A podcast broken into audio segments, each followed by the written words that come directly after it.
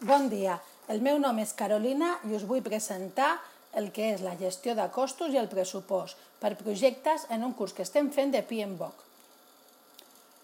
El cost per realitzar un projecte depèn de diferents punts, com pot ser la quantitat de recursos, ja siguin materials o personals, el ritme de treball, l'equipament, etc.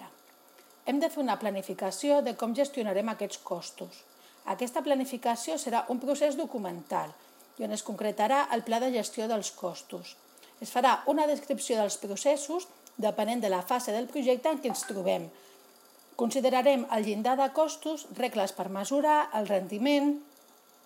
La planificació es realitzarà a l'inici del projecte, durant i al tancament, perquè és important fer un seguiment durant tot el projecte. Haurem de fer una aproximació dels costos mitjançant el preu de totes les activitats que formen el projecte. Per això hem de saber quins són aquestes activitats, la seva temporització, la durada i els recursos necessaris. Perquè, per exemple, si s'ha de realitzar un curs de formació, no té el mateix cost fer-lo online que haver-se de desplaçar a l'estranger, ja que això implicaria unes altres despeses addicionals molt diferents a fer-lo online. Per establir els costos hem de saber si són fixos o variables i tenir en compte si són directes, que serien directament imputables al projecte, o indirectes. La precisió dependrà del punt del projecte en què estem ubicats. Hi ha diferents formes de fer l'estimació de costos d'un projecte. Una seria analògica, que tindríem un projecte inicial per poder-lo comparar.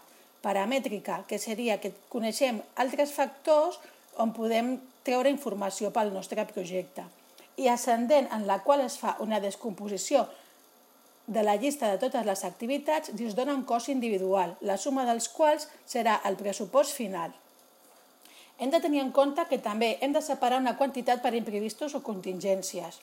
I és necessari també fer una determinació del pressupost on a través dels costos individuals aconseguirem una quantitat que donarà informació útil per planificar les despeses i inversions que s'han d'efectuar.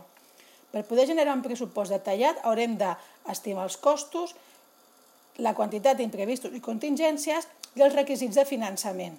També és imprescindible realitzar un procés de control de costos per comparar si estem en el marge correcte amb el que es va plantejar inicialment el projecte.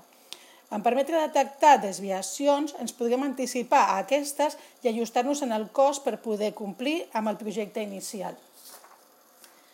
Doncs aquesta és la meva aportació i espero que sigui del vostre interès. Moltes gràcies per la vostra atenció.